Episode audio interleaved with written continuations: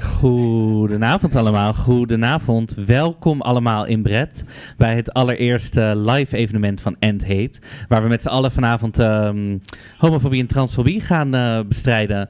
Uh, allereerst wil ik Bred heel erg bedanken dat we hier vanavond deze, dit evenement mogen houden. Uh, ontzettend lief. En uh, zoals ik zei, uh, we zijn bij een evenement uh, van End Hate, End Homophobia en Transphobia Everywhere. En Melody, kom er even gezellig bij. Jij gaat wat vertellen over wat End Hate is.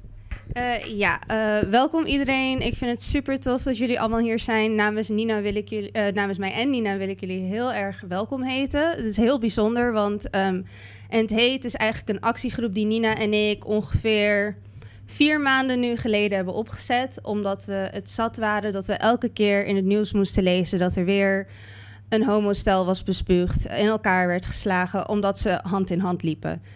En uh, dat moet stoppen. Vandaar ook end homophobia en transphobia everywhere. We willen ons voor nu even focussen op Nederland. Maar het is niet alleen hier, het is overal. En wanneer we het in Nederland hebben verholpen, dan gaan we naar de rest van de wereld. En vandaag gaan we het gewoon even hebben over de situatie hier in Amsterdam. En um, Marco gaat alle panelleden aan jullie voorstellen. Nogmaals, echt bedankt dat jullie hier zijn. Woe, applaus. Um, ja, ik zal mezelf even voorstellen. Ik ben Marco Dreyer. Ik ben gevraagd om het vandaag een beetje aan elkaar te kletsen. Ik zal zo meteen onze prachtige panelleden even aan jullie voorstellen. Um, zoals Melody al zei, we gaan het vandaag een beetje hebben over de situatie in Nederland, in Amsterdam. En ook uh, ga ik aan de panelleden vragen, hoe kunnen we dat nou oplossen? Hoe kunnen we de tendens die er hangt in Nederland... Um, anders maken. We proberen zo goed mogelijk hier de anderhalve meter uh, afstand te houden. Uh, sowieso in het algemeen probeer allemaal ook gewoon gezond te blijven. Want zolang je gezond bent kun je vechten tegen homofobie en transfobie. En anders uh, lukt dat niet als je ziek bent. Um, nou ja, laten we. Ik zal even de panelleden introduceren. Ik heb alles lekker um, op een papiertje, zodat ik niks um, vergeet. Allereerst, Anouk, welkom. Um, je bent een uh, fashionjournalist, een curator, een spreker en activist. En je bent gespecialiseerd in de relatie tussen mode en identiteit. En door vanuit antropologisch uitzichtpunt naar het uh, uiterlijk te kijken. En is het je bedoeling om je koloniale en neoliberale en heteronormatieve verhalen te ontleden. Je hebt onder andere meer samengewerkt met Radio 1, het Tropenmuseum, de Mama Cash Foundation, het Stedelijk Museum, het Cobra Museum en Linda TV. En je bent een adviseur bij het Amsterdamse Fonds voor de Kunsten en bestuurslid van de politieke partij B1. Hoppatee. Ja, hoppatee. Heb ik nog iets gemist? Nee, je hebt niks gemist. Welkom. Dankjewel. Hoe gaat het met je? Hoe gaat het met me? Nou, uh, ja, ik ben er weer eens uit. Dus uh, ik vind het heerlijk om even weer uit te zijn. En uh, ja, ik ben, mijn opa is overleden aan corona. Dat is even persoonlijke nood. Oh. Ja, dat is echt heel vervelend. Dus ik, ik ben nog wel een beetje voorzichtig probeer ik te zijn. Dus vandaar dat ik ook niet zo vaak uh, eruit ben. Maar ik ben heel blij om hier te zijn. En ja. ik, ik ben ook heel blij dat er, dat er veel initiatieven zoals deze zijn. Mm -hmm. En ik voel een soort, als ik het goed heb, Nina, heb ik jou laatst ook nog op de radio zelfs gehoord. Hè? Kan dat? Ja. ja. En uh, dus ik denk, ik, ik, ik ben ontzettend hoopvol dat ik heel veel stemmen hoor uh, die op een intersectionele manier ook. Uh, uh, ja, dit soort thematieken bespreken. Ze let's break the binary and smash the patriarchy. Dus uh, yes. hè, dat, ja, daar gaan we vandaag ook nog gewoon lekker mee verder. Jazeker. Het ja, is jammer. Dus bedankt jam, voor de ja. uitnodiging. Het is uh, jammer dat het nog moet, maar ja. let's do it. Ja. Naast je zit Bas Kosters. Welkom. Dank u. Jij bent een artiest, designer en hoofd van Bas Koster Studio. En door jouw liefde voor kleuren, materialen en uitgesproken design schets je een eigen wereld waarin je continu op zoek bent naar de dialoog. Deze zet je voort door de gealarmeerde, schattige en stralende figuren te creëren die dienen als reflectie op je eigen betrokkenheid bij het maatschappelijke debat. Daarnaast maak je je al jaren hard voor de rechten van de LHBTIQAE gemeenschap. Juist. Helemaal. Heb ik nog iets gemist? Nou, nee. Dit is een mooie introductie. Het is altijd leuk om het weer in andere woorden te horen. Ja. Welkom. Hoe gaat het met jou? Goed. Ja, ik ben ook blij om hier te zijn. Ik ben verheugd dat er mensen nog steeds opstaan om nieuwe initiatieven te organiseren. Die helaas uh, nodig zijn. Maar aan de andere kant, als je niks meer hebt om voor te vechten, is misschien ook wel een beetje spijtig. Ik bedoel, vechten is ook wel goed en alert zijn is ook goed. Dus um, nou ja, ik ben hier met uh, trots en plezier. Ja, mooi. En dan het volgende lid wat ik ga introduceren. eh, Pierre Alexander, ook wel beter bekend als drag queen Love Masisi. Eh, je bent een entertainer, danser en zanger. En door, jouw werk, eh, door, door je werk ben je overal in de wereld geweest. Hierdoor weet je als geen ander hoe het internationaal gesteld is met de LHBTI-community. Mede door jouw verhuizing naar Amsterdam vanuit de Verenigde Staten breng je een outsiders perspectief waarin je zowel de pijnpunten in de eigen community als van de hele wereld en daarbuiten bespreekbaar maakt. Welkom. Thank you. Dankjewel. Klopt het een beetje wat ik heb gezegd of heb ik nog wat, eh, moet er nog wat aan toe te voegen? Nee, nee, nee, dat klopt, dat klopt, wel. Maar ja, I'm, I'm, thank you for, for inviting me.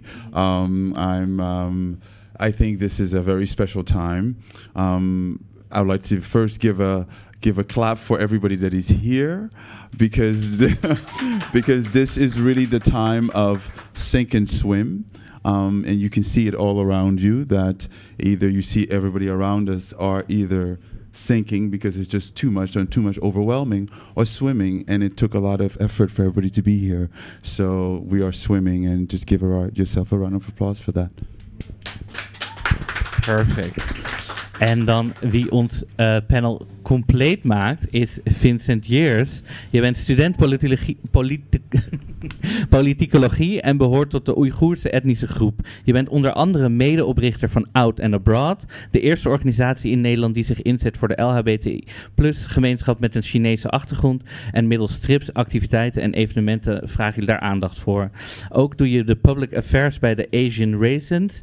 En die organisatie streeft naar een inclusief Nederland, vrij van racisme, xenofobie en racistische stereotypen. Klopt dat helemaal? Zeker, Welkom, hoe gaat het met jou? dankjewel. Nou, bijna afgestudeerd hoor. Dus eh, nog even. Ga, ga wel binnenkort aan mijn scriptie beginnen. Dus eh, na zes jaar eh, bachelor, eindelijk, durf ik zeg maar op dit moment niet meer naar mijn deal gaan kijken. Want ik heb zeker iets van eh 20.000 euro schuld achter mijn rug. Maar goed, vandaag ga ik wel even genieten. En eh, ik ben ook wel heel erg blij dat wij onze ja, al verschillende minderheden onze kracht mogen bundelen.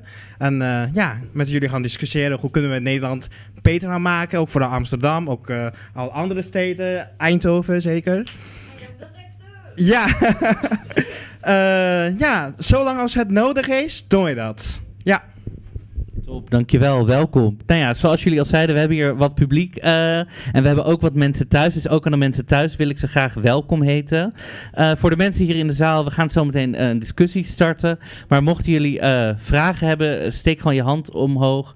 Mocht ik het nou niet zien en vooral daarheen kijken, roep gewoon even Marco. Dan kan ik ook gewoon even inbreken. En ook voor de mensen thuis, als jullie vragen hebben, stel ze. En dan, ehm, dan behandelen we ze hier ook gewoon. Ehm, dan wil ik eigenlijk nu graag naar de eerste stelling overgaan. ehm, die we gaan bespreken. En de eerste stelling is eigenlijk: eh, Amsterdam is eh, niet langer de gay capital of the world. Ehm, en de eerste vraag die ik eigenlijk aan jullie wil stellen is: hoe denken jullie dat dat komt? Love Masisi. Oh. so um, yes, um, Amsterdam. I remember Amsterdam during um, the heydays. So Amsterdam used to be the the, but but we know the reason. There's a lot of things that's happened. Um, but I have to say, this is something that I've noticed that every time a city or a country um, gets the LGBT gets to a certain level, drag race happens. so if we're using that phenomenon, then Amsterdam might be the next gay city, might have a return.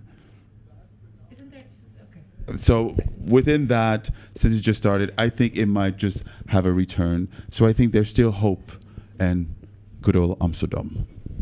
Dus je denkt dat, denk je dat Drag Race een positief effect weer kan hebben? Dus dat. You see that altijd. You always see it that there comes a point of a country, then I guess capitalism comes in, and then that pops up. Sorry to say. Ja. Dus eh, denken jullie, eh, in, ik vraag het even aan jullie alle vier, denken jullie dat de media, dus eh, als er meer gay of, rolmodellen te zien zijn in de media, denk je dat het een positief effect heeft op, eh, op de community? Dat is best een grote stap van Amsterdam naar community. Ik moet eerlijk zeggen, want ik wil wel even reageren op die stelling over Amsterdam. Kijk, eh, Amsterdam, sowieso gay capital of the world, is natuurlijk echt enorm veel eer voor een kleine stad als Amsterdam. En ik snap ook niet zo goed waarom een stad zo per se een gay capital moet zijn. Moet je daar nou heel erg blij van worden? Is dat echt iets om je op de borst te kloppen? Of wordt Amsterdam, als het een gay capital is, ook al iets te veel een comfortzone? Is dat nou echt iets waar we naar moeten streven? Ik weet ook niet of een, zeker een land als Nederland nog steeds baat heeft bij een gay capital. Ik, ik voel het toch zelf niet helemaal. Dus ik denk dat dat zeker een reden is dat Amsterdam misschien niet meer de gay capital is, omdat je misschien niet meer in zulke denkbeelden moet denken. Wat vind jij daarvan? Niet in een gay capital moet denken, in termen van gay capital. Dat het niet meer nodig is, bedoel je? Ja, nou, misschien niet nodig, maar het is natuurlijk een hele rechtlijnige manier van nadenken over een plek waar homoseksualiteit onder andere zich bevindt. Ja. Nee, uh, uh, ik, denk dat, ik, denk dat het wel belangrijk is om een groep aan te kaarten. Gay vind ik niet helemaal een inclusief woord meer. Hè. Daar zijn we nu natuurlijk nu een beetje voorbij geweest. Voorbij nu, want het, het is helemaal niet meer gay. We, hè, dat hebben we toch steeds het idee dat we dan wel die witte man op die boten zien. Dus we zijn natuurlijk veel diverser. En waar Nederland natuurlijk heel erg last van heeft, is wel het feit dat we denken dat we er al zijn. Daarom is racisme hier ook zo moeilijk aan te kaarten. Omdat we een blik hebben van, zoals Gloria mooi, uh, Wekker zo mooi in haar boek heeft gezet, witte onschuld. Hè? We have white, we hebben, wij, hebben, we are, uh, wij, zijn Nederland. Dus wij hebben een zelfbeeld van onszelf. Dat wij dus heel tolerant zijn. En wij doen dat niet. Wij zien iedereen gelijk. En dat zelfbeeld is ontzettend sterk. En dat gaat ook over homofobie. Dat gaat ook over racisme. Uh, dus wij hebben een zelfbeeld dat we, dat we al de meest vooruitstrevende zijn. Uh, en dat idee van gay capital versterkt dat alleen maar, dat idee alleen maar. Hè? En als je nou naar de feiten kijkt, nou ja, we zitten hier omdat er nog steeds uh, gays in elkaar worden geslagen. Hè? En het is heel erg een tolerantie op een bepaalde voorwaardelijke manier. Dus je mag wel gay zijn, maar het moet wel zo. Hè? Het moet wel gay zijn, maar ik wil je liever niet zien zoenen. Hè? Het, mag wel, je mag wel gay zijn als een abstract begrip, maar hoe ziet dat er in de werkelijkheid concreet uit? Hè? Als, als vrouw uh, of als, als queer vrouw kan ik nog maar naar één plek waar ook vrouwen komen. Dat is de Sarijn. Maar daar houdt het echt mee op. De stad staat in die zin ook in de uitverkoop. Het wordt gecapitaliseerd. Dus het hele idee van queer of gay zijn wordt gecapitaliseerd. Dat trekt mensen aan. En ondertussen mogen wij alleen maar gay zijn op de voorwaarden die een heteronorm aan ons stelt.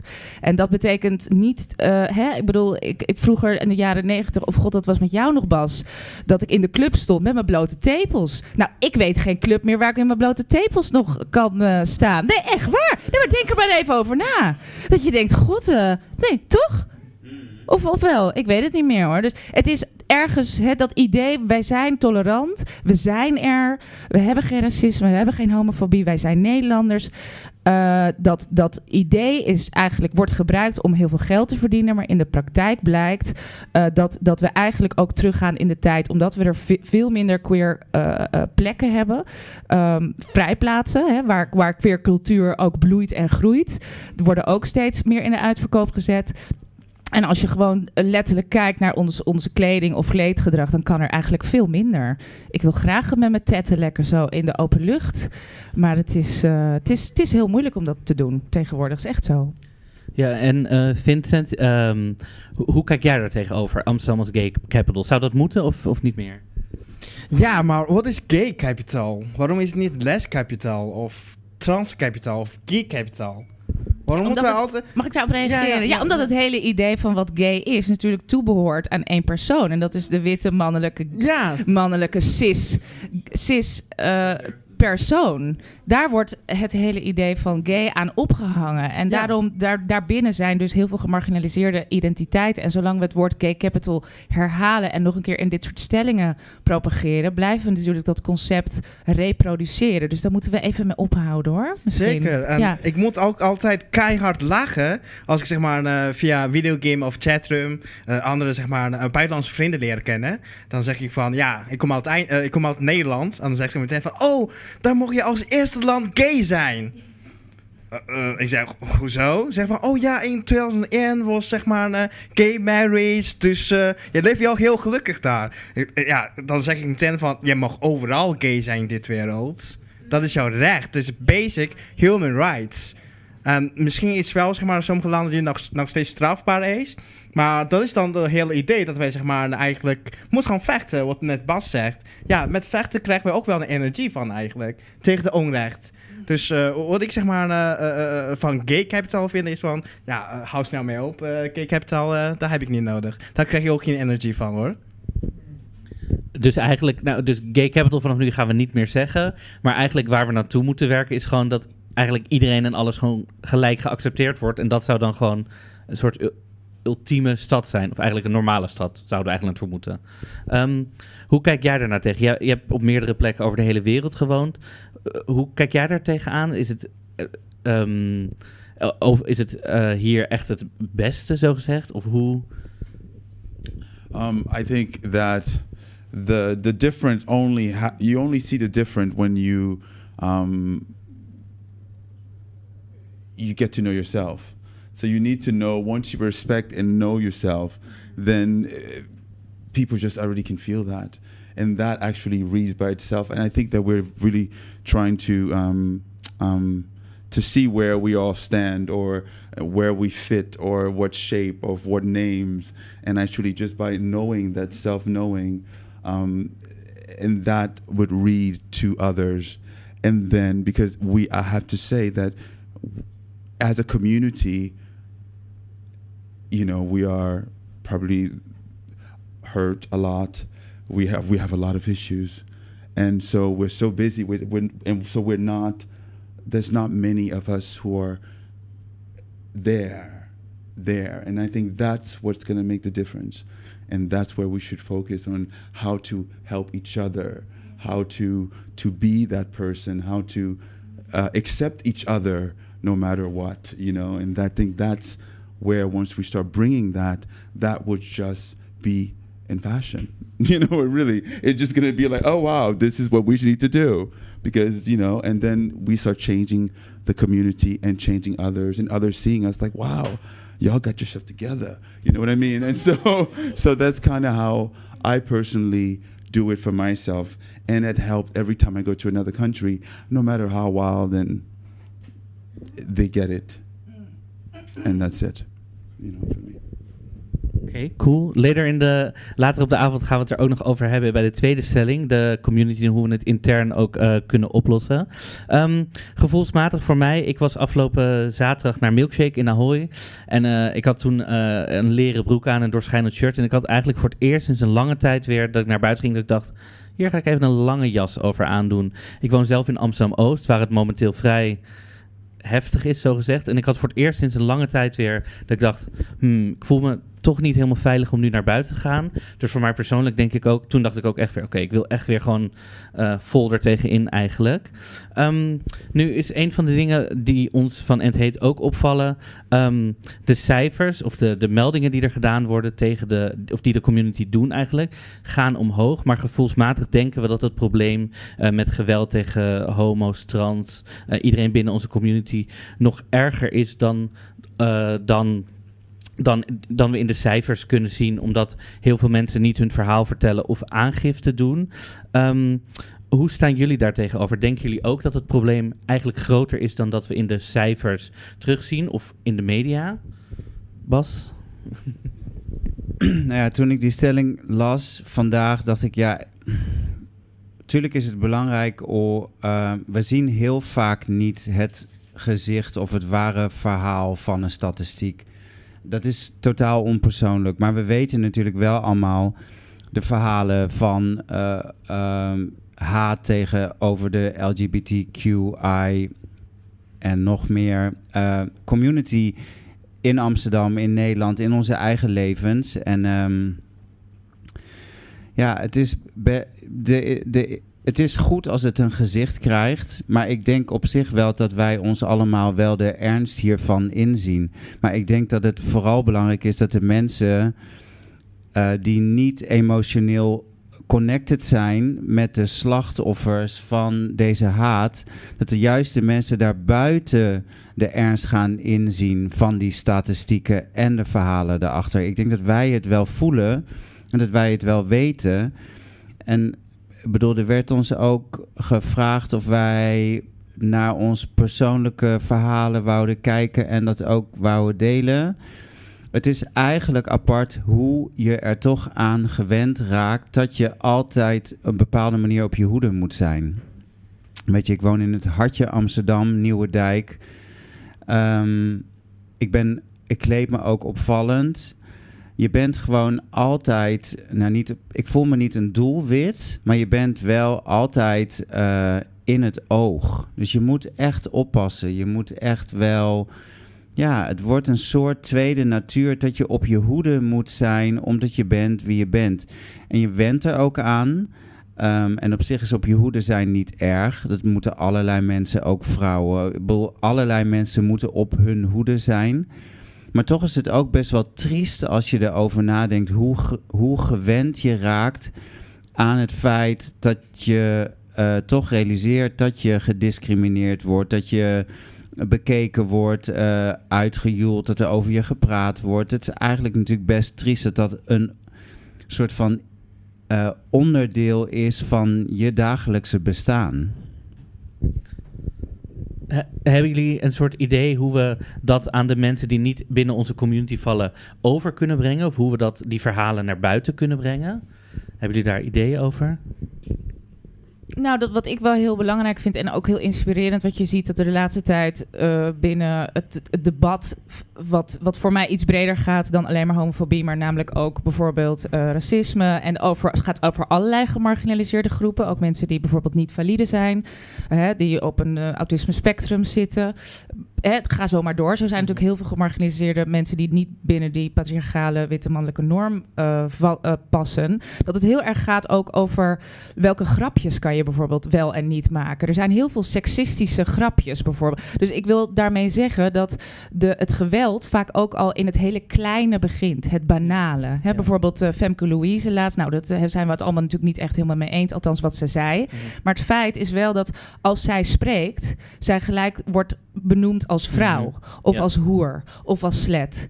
En je mag iemand best wel hè, zeggen van ik ben het niet met je eens. Maar als het een vrouw is of een person of color dan wordt, of iemand met een niet-westerse achtergrond, wordt gelijk vaak die achtergrond of die vrouwelijkheid of uh, hetgene wat iemand anders dan die norm maakt, gebruikt om iemand te bespotten. Ja. En dat soort dingen, dat soort kleine grapjes, dat soort seksisme dat continu doorgaat, dat soort hele kleine opmerkingjes. Uh, dat, ja, microaggressions. Microaggressions, precies. Ja. Daar begint het. He, dat, daar komt groter kwaad uit voort. Dus ik denk dat we heel bewust moeten zijn op van wat voor geïnternaliseerde ideeën zijn er over bepaalde groeperingen en hoe reproduceren we die? En daar begint het, want uiteindelijk meldt dat in geweld uit. Hè? Bijvoorbeeld, een heel simpel voorbeeld. Ik heb een stuk geschreven over unisexmode. Nou, unisexmode, denk je leuk, unisexmode. Maar unisexmode betekent altijd uh, mannelijke kleding voor vrouwen. Hè? Daar ja. heb ik het even over cis-vrouwen. Dat betekent dat er een soort schaamte in vrouwelijke kleding dragen zit. En dat is wel een. Uh, dat betekent ook dat vrouwen dus in die zin minder macht hebben. Dus, dus dat soort dingen.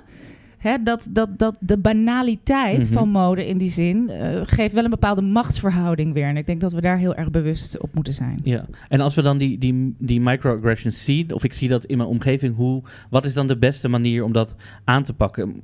Gewoon tegen iemand zeggen? Of hoe kan je dat het beste... Ja, ik ben wel heel erg mee eens met uh, Anouk. Spreek jouw naam goed? Anouk. Anouk. Ik ben wel heel erg mee eens met Anouk.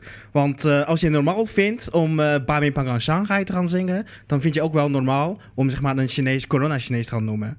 Als je het normaal vindt om zeg maar niks te zeggen, als je homo-geweld gaan zien, dan vind je het later ook wel normaal om op een bepaalde partij te gaan stemmen die tegen, of die zeg maar discriminatie stunt.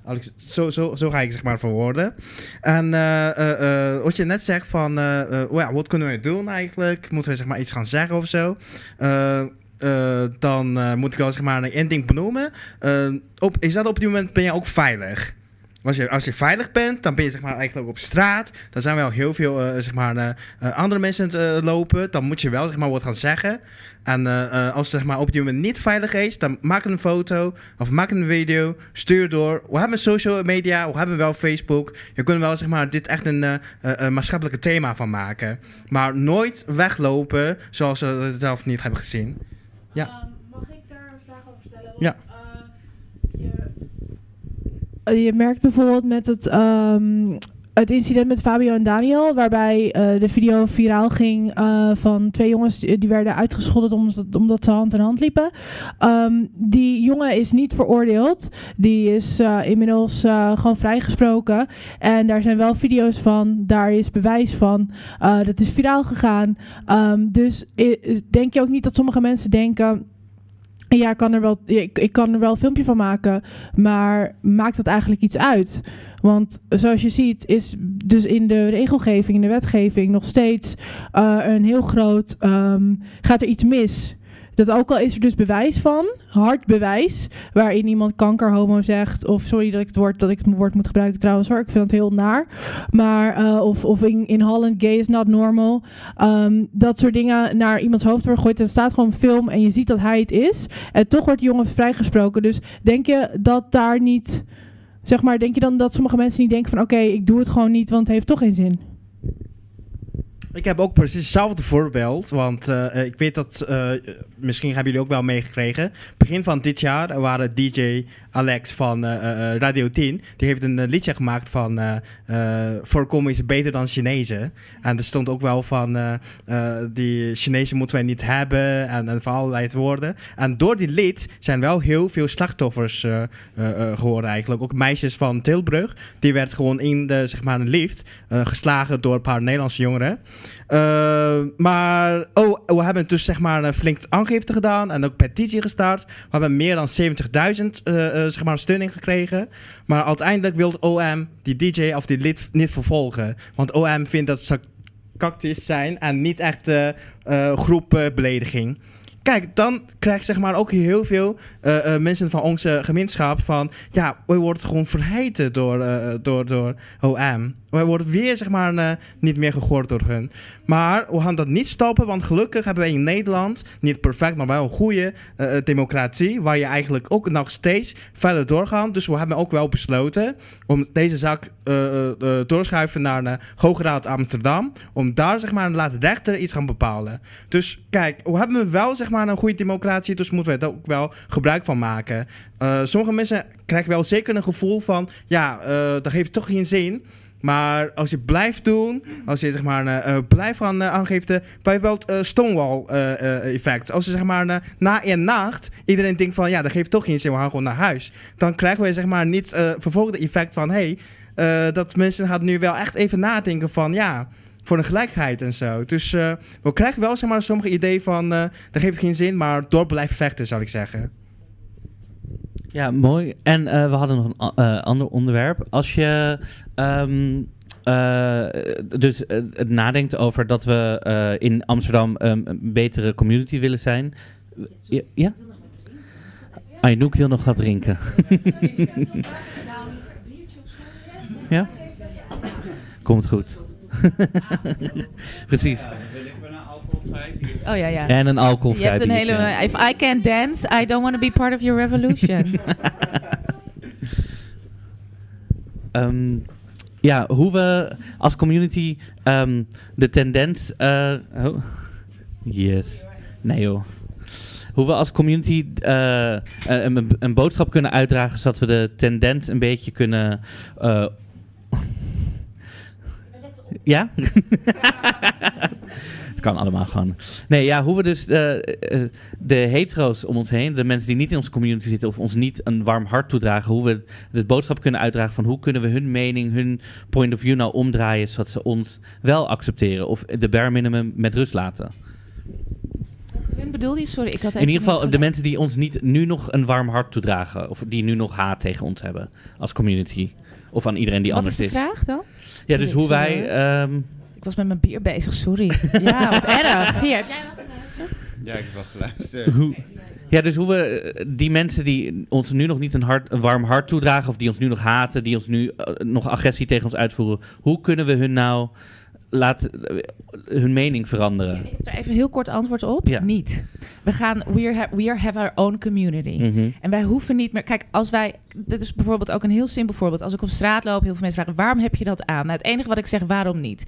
Want ik wil mijzelf niet legitimiseren, eh, legitimeren. Mhm. Wat je eigenlijk gevraagd wordt, continu, is legitimeer je naar mijn idee van normaal. Dus leg uit waarom je zo anders bent. Mhm. En ik wil graag in, in spaces verkeren waar ik dat niet hoef te doen. Waardoor mijn identiteit dus ook door kan groeien. In plaats van dat ik me de hele tijd hoef te verhouden naar een ander soort idee. Naar dat normale idee waar ik me niet meer aan wil conformeren eigenlijk. Dus dat, dat is mijn manier. Mhm. Maar er zijn andere manieren. Ja, precies. Is er dan een. eh, dus eigenlijk zouden we steeds meer safe spaces, steeds meer spaces moeten creëren. waarin wij wel lekker gewoon ons eigen normaal kunnen zijn. Ehm, hoe kunnen we ervoor zorgen dat er meer van dit soort spaces komen? Is dan misschien een vervolgvraag? Ik vind het best wel ingewikkeld. Je te- ik vind ook niet dat je je de hele tijd ook moet afzonderen van een ander. Want onze seksualiteit of wie we zijn is niet alles wat ons definieert. Ik ben net zoveel eh, man en alles als een heteroseksuele witte man. En dus ik vind het best wel moeilijk. We- niet iedereen hoeft je te accepteren of te respecteren. Dat is gewoon onmogelijk. En ik denk als wij heel goed en waarachtig naar onszelf kijken, dat wij ook niet alles accepteren, eh, tolereren. En dus het is best wel ingewikkeld om. We kunnen dat niet oplossen als in een of ander leuk sprookje. Ehm, dat is toch heel ingewikkeld. Bedoel, het, is wel goed als we stappen zetten om nader tot elkaar te komen. Maar misschien is een mutual understanding al beter als het vragen van respect. Ik bedoel, het kan zijn dat mensen je niet begrijpen of respecteren. Ja, Bas. Ja, ik weet niet. Kijk, jij hebt natuurlijk vroeger... eh, Bas heeft heel veel modeshows gehouden, performances... en jij creëerde daar een wereld van allerlei types. Gekke types, toestanden. En dat was een, een, een front, een blok. En daarmee, dat was een safe space. Ehm, en eh, ja, ik vind het... eh, Ik, ik, ik, ik, ja, ik, ik, ik ben daar heel erg door gegroeid. En ik ben daar heel erg door, door eh, kunnen zijn wie ik, wie ik nu ben geworden. Althans, een deel van mij. Maar jij tolereert, jij gaat toch ook niet je collectie aanpassen omdat je wil dat iemand je beter begrijpt. Je hebt toch ook autonoom gedaan wat je zou willen doen. En daar wil je toch ook respect voor. Ja, maar ik, ik zie dat wel wat anders. Tuurlijk is het, zijn wij gegroeid, maar ehm, terwijl we dat allemaal deden, dus we, we, we hebben ons laten zien. Maar je bestaat, ik heb soms ook het gevoel dat wij onszelf kunnen zijn, juist omdat er iets, ook iets anders is. Ik, kom daar, misschien kom daar zo even op terug. Oké. Ja. Ehm, eh, zijn er ondertussen nog vragen uit het publiek? Laten we het ook even opengooien. Zijn er mensen die ook misschien los van dit onderwerp zelf alvast iets willen vragen? Of dat je zegt, goh, ja, je mag hoor. Ja, ja, tuurlijk. Ja, wat Bas eigenlijk zegt, ehm, zou het kunnen? Het is een beetje misschien een psychologie van de koude grond. Maar zou het kunnen dat omdat je dan eigenlijk probeert onbewust een soort van goedkeuring te krijgen van de dominante groep, zo zie ik het, door jezelf te willen verhouden en eigenlijk als een soort van ambassadeur van jouw eh, van jouw identitaire positie eigenlijk te functioneren om meer begrip te kweken. Zou het kunnen dat daar eigenlijk in die relatie ook al een soort van eh, onderwerping in zit? Want de ander, zeg maar, die, die, ehm, die hetero, die, die witte man, die hoeft dat helemaal niet te doen. Die hoeft zich helemaal niet te legitimeren aan ons. Snap je wat ik bedoel? Dus moet je dat dan wel gaan doen? Of hoe vind je daar dan de balans in? Want aan de ene kant wil je natuurlijk met iedereen een connectie hebben, maar aan de andere kant er zijn ook machtsverhoudingen. Eh, en het, komt het is tweerichtingsverkeer. Want dan wordt het alleen maar eenrichtingsverkeer. Alsof je als een soort van ambassadeur, eh, ja, een beetje je, je probeert te legitimeren.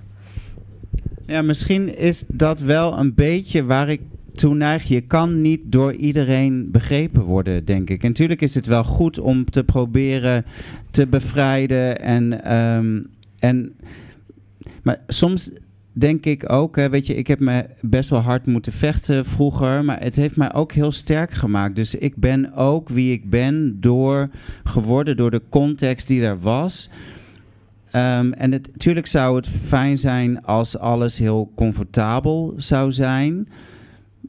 Maar ja, het toch een beetje moeilijk hoor, wat je zegt. Ik snap heel goed wat je bedoelt. Dus het is ook, er zit ook iets leuks aan die strijd. En een beetje, maar je moet natuurlijk niet vergeten dat, dat jij van het een positie komt waar. Dat, en dan noem ik nu even het woord intersectionaliteit. Dat betekent dus dat je op verschillende kruispunten een identiteit hebt. Dus jij bent man en wit. Nou, dat is al.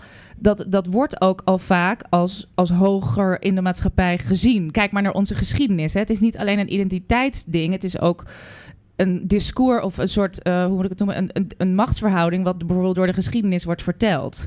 Hè, bijvoorbeeld eh, Michiel de Ruiter is in onze schoolboeken een held, maar, de sla maar het is geen slavendrijver. Dus daarin leren we al op school een bepaald systeem waarin eh, de, witte, de winnaars al, al een betere positie hebben, bijvoorbeeld. Maar ik denk dat, dat, jij, dat er ook heel veel mensen zijn die hun kleur bijvoorbeeld niet uit kunnen doen. Dus die op meerdere fronten worden gediscrimineerd. Die bijvoorbeeld trans zijn. Hè? Jij bent toch cis, je ziet er nog cis uit. Dus in die zin heb je nog meer privileges, waardoor bepaalde deuren voor jou, denk ik, al wel open zijn gegaan. Snap je? Dus heel veel mensen kunnen, kunnen hun, hun kleur bijvoorbeeld niet uitdoen. En jij hebt natuurlijk ook mazzel gehad dat je ouders hebt gehad die jou hebben gesupport. Dus dat is ook weer een verschil. Hè? Dus je hebt heel veel verschillen. En ik denk, ja, en jij hebt ook de kracht.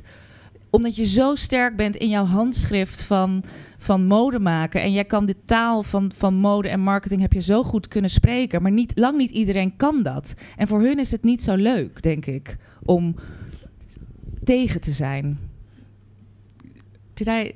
No, no, no. I was just gonna add to your wonderful answer. trying to, like- no, but um, no, but for me, uh, uh, uh, I mean, when I moved to to to Houston, the first day I walked around my house, the police stopped me and asked me what I was doing here, and I was just like, I was, I'm living here. So that was my introduction of America, and you know, I've lived here for a while, and then to go back and to experience that on the first day was like, oh, I had to be here. But one thing that always helped me is that at, at that time I was it would you wouldn't catch me dead wearing what I'm wearing. So um, I was just toxic masculinity where it just had to be all one way, and um, and that opened certain doors for me. But that, that also made me very weak because I took that masculinity way too seriously. So for me, one of the biggest lessons I've learned is to get rid of that image that image that you think you are, who you think you are. By removing that, it's the external and what it's not so important anymore. So there's no reason for you to have to prove yourself to where you're going because this is who I am right now. you know, and it, if I if I didn't have to wear this or do that, it wouldn't change who I am. And I think that by by seeing that, people, I think we get a different idea of what um, our tribe is. It's more tribe, and a tribe can it's it's it's, is fluid. It can go to anything. Exactly. There's no reason to to hold on to certain certain things. And I think as I, if I would have learned this a long time ago, would have been completely different. But I, that's one of the lessons I always have to say. Get rid of that. Get rid of that idea. Don't take yourself seriously. Let it go. It just makes everything so much easier, and it makes you connect to everybody. Without that, Sorry. Yes, Faith. Hoi, I just wanted to say two things real quick. First thing, I just wanted to like, how do you say it, samenvatten even alles wat Bas en Anouk hebben gezegd. Um, if I understand it right, basically what Bas was saying is that we should not be streving, ik kan niet goed Engels en Nederlands door elkaar. Dus we niet- Oh, oké girl. Oké. Nee, prima. Oké. Dat we niet moeten streven naar de acceptatie van de cis-heteronormatieve. Ik vind dat, we, dat ik daarmee mee eens ben. Ik snap wel waar hij vandaan komt. Het is meer zo van, of course, we moeten er tegen vechten en ongelijkheid, bla bla bla. Maar at the same time moet niet dat ons doel zijn. Ons doel zijn is like reclaiming, reclaiming our space to be who we want to be everywhere. Um, maar wat Anouk zegt begrijp ik ook heel goed. Want het is bijvoorbeeld ook voor een witte cis gay man veel makkelijker om te zeggen van ik laat over me heen komen of whatever dan bijvoorbeeld voor ik als een transvrouw of een transvrouw van kleur die gewoon elke dag moet vrezen voor haar leven als ze naar buiten loopt. Dat is wel een verschil. Ook met mijn Sisi, I get it. Like I, I get rid of the toxic masculinity. I felt way more secure when I did that back then. But at the same time, like the things that I go to on a daily, like it's just another level, especially like transhood. So that's what I wanted to say. Yeah. Thanks, thanks, thanks. Vincent.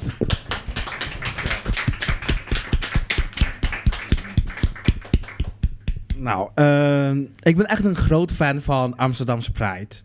Maar ik woon zelf, ik, de eerste drie jaar in Nederland heb ik in Kerkrade gewoond en daarna in Eindhoven. Dus elke keer moet ik gewoon met de trein naar Amsterdam komen. En eh, eh, toen ik zeg maar de trein eh, instapte, durf ik pas zeg maar naar het toilet te gaan om zeg maar andere kleding te aandoen. Een regenboogpak of een uh, regenboogarmbandje. Want vroeger moet ik altijd denken van ja, ik moet eigenlijk ook mensen om mij res- respecteren als ze homo niet wil gaan zien of zo. Ik heb altijd zo'n gedachte in mijn eh, hoofd gehad. Maar eh, dat was wel zeg maar bij een Chinese meeting. Toen was ik zeg maar toevallig ook met de regenboog eh, eh, eh, armband. En toen heeft zeg maar wel eh, na de meeting een Chinese jongeman tegen mij gezegd van... Vincent, denk wel, want je heeft me wel een, zeg maar een, een steun met jouw armbandje. Van, hey, je durft jezelf laten zien. En toen dacht ik van, nou, waarom moet ik altijd bang zijn van die homofoob of zoiets? Die moet van mij bang zijn eigenlijk. Ja. Ik bedoel van, ja. Ja, waarom moet ik altijd eh, eh, op die moment... eh, ja, natuurlijk ga ik zeg maar niet eh, 's s'nachts om 1 uur muziek aanzetten. Want dat is zeg maar dan eh, mijn eh, aanpassing in mijn community, of course. Maar eh, ja, waarom durf ik niet zeg maar met een armbandje eh, over straat lopen? Eh, waarom als ik zeg maar in Urk ben, eh, een, eh, meteen heel hetero moet gaan doen? Eh, heel normaal gaan doen?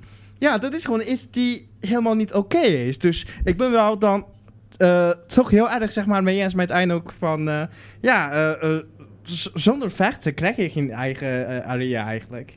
Nee. Ja. Also, like, ook wat jij zegt over toxic, toxic masculinity. Of over dat jij nu. Ik ben, heb ook een Chinese vader gehad. En mijn Chinese vader heeft mij altijd gezegd: aanpassen, aanpassen, aanpassen. Assimileren, assimileren, assimileren. It's very much embedded in, in the culture, I guess.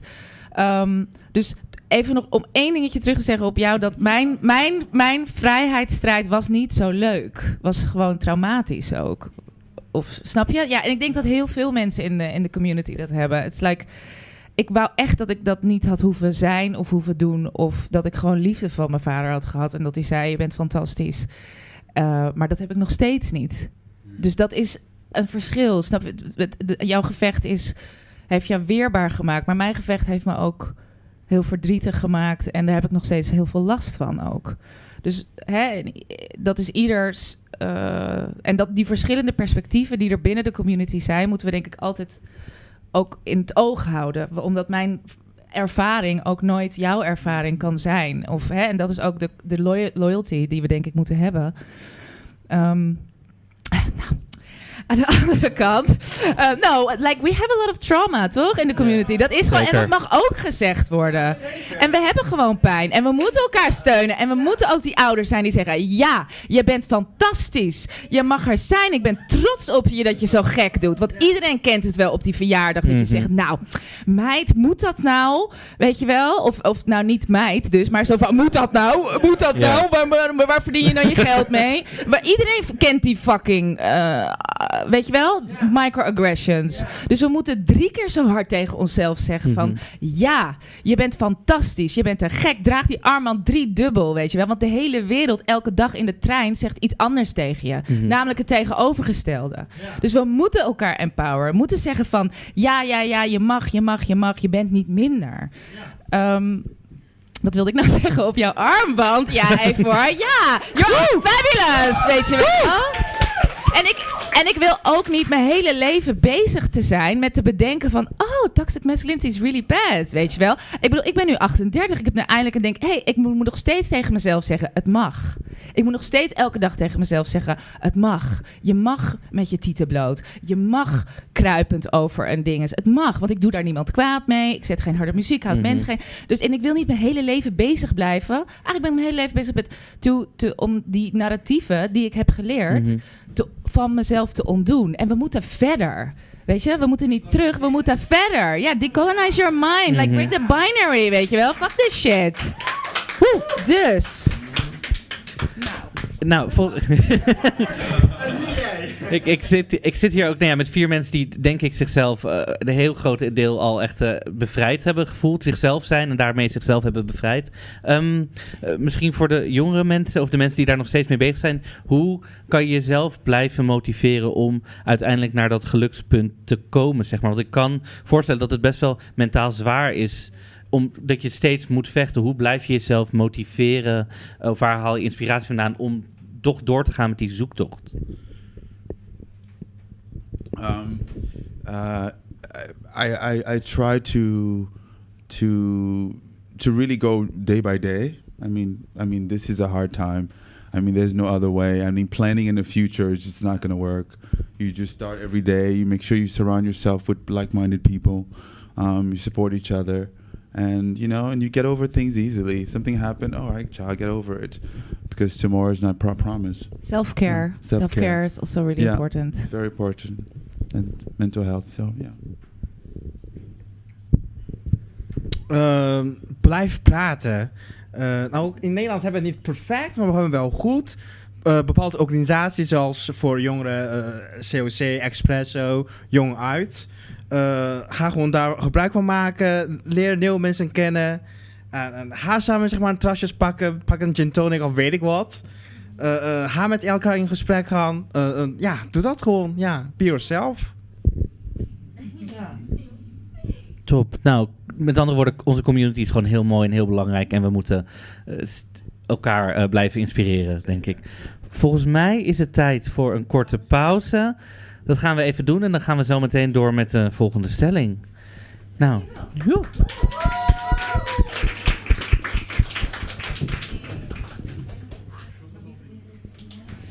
Zo, daar zijn we weer, daar zijn we weer. We gaan verder met de tweede stelling. Eh, de, de tweede stelling was eigenlijk eh homofoob en transfoob geweld in Amsterdam of anywhere else eh, zal minder worden als de community beter zijn best doet om in te blenden met de heteronormatieve society. Hier hebben we het net al een beetje over gehad. Volgens mij was het antwoord daarop moeten we niet willen. W- wel? Nee, ik dacht dat jij dat, dat jij dat iets over zei. Toch? Dat we ook een beetje moeten blenden. Dat Nou ja, kijk, ik denk wel. Kijk, ik denk wel dat je mijn, mijn, mijn woorden misschien wel net een beetje verkeerd hebt uitgelegd. En ik- kijk, ehm, ik heb ook behoorlijk hard moeten vechten vanuit mijn positie. En dan misschien heb ik privilege gehad dat ik twee hele liefdevolle ouders heb gehad. Maar ik moet me wel al 43 jaar staande houden tegenover Jan en alle man die ook weerstand biedt. Dus ik, ik heb echt gevoel voor iedereen's strijd. Daarom heb ik ook prachtige transmodellen en iedereen in mijn shows lopen.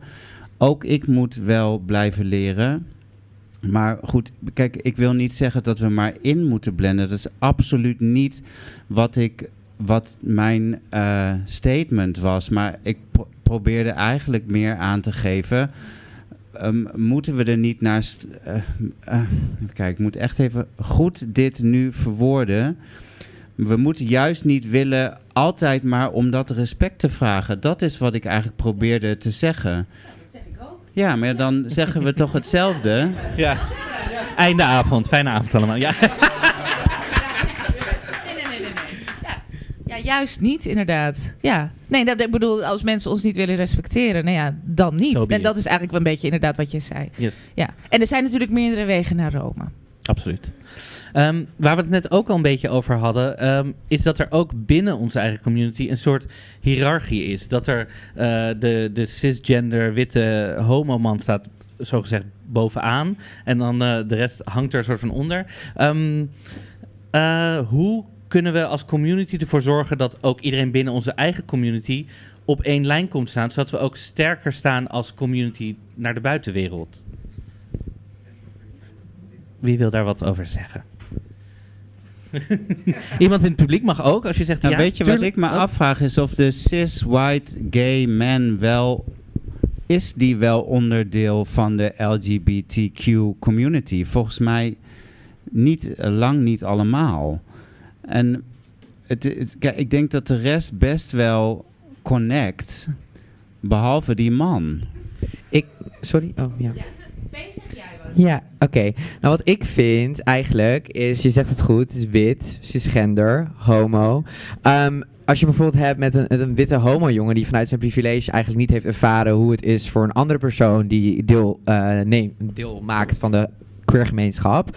ehm, vanuit zijn eigen levenservaring dat eigenlijk niet kan begrijpen, komt dat vaak vanuit de witte ervaring. En vaak vanuit eh, eh, de cis-ervaring. En ik denk dat eh, in onze eigen community de problemen die ik dan veel merk is dan body shaming en racism basically en transfobia. En dat komt eigenlijk allemaal nogmaals van de gekoloniseerde gedachten die we hebben, die wit zijn. En vanuit daar moeten we eigenlijk het aanpakken. En ik denk dat dat ook eh, indirect gelijk invloed heeft op onze eigen community. Denk ik. Yes, Vincent. Ja, eh, we moeten ons topicpunt niet vergeten. Eh, dat is niet zo van eh, eh, eh, eh, dat wij de hele tijd een verhaal moeten houden dat de wit gay mij discrimineert en dat ik weer zeg maar, een- een donkere eh, eh, zeg maar, eh, eh, eh, trans eh, vrouw ga discrimineren. Dat is het punt niet. Punt is, discriminatie is gewoon niet eh, acceptabel eigenlijk. Dus we moeten wel gewoon een kernpunt pakken van... hey, als je iemand discrimine- discrimineert, maakt niet uit eh, welke positie je zit, dat is gewoon niet oké. Maar als ik, net als net word ik zeg maar, tegen jullie gezegd van... Ik heb genoeg meegemaakt dat, dat hier iemand zeg maar, in de grander... gewoon zeg maar, echt bij het profiel schrijft no Asian or no black or something like that. Ja, toen heb ik meteen zo'n idee van... Wat de fuck ben je aan het doen eigenlijk? Ik bedoel van... als je zelf zeg maar precies... eh, een wit ne- eh, zeg maar, een gay wil gaan zoeken, dan ga maar, zeg maar zelf chatten. Niet zeg maar zoiets onder jouw profiel, profiel gaan zetten. Dat, is, dat geeft je gewoon echt een heel raar gevoel eigenlijk. Dus eh, wat ik vooral wil zeg maar, eh, eh, toelichten is gewoon... eh, eh, eh, we moeten allemaal zeg maar, onze kracht gaan bundelen en tegen discriminatie. Niet zeg maar tegen wit Nederlanders of niet tegen zeg maar eh, eh, Aziatisch Nederlanders. Nee, dat is zeg maar ons eh, hoofdelijk eh, punt niet, vind ik dan. Nee. Um, I think we have to again remember what is our narrative, and I think as a child you always compare yourself to what you grew up with. So you, of course, you compare it to your parents. Oh yeah, okay, there's a guy and a, you know, or two girls or whatever that you grew up with, and this is your standard. This is what you're trying to compare, and it takes a while before you actually make create your own identity.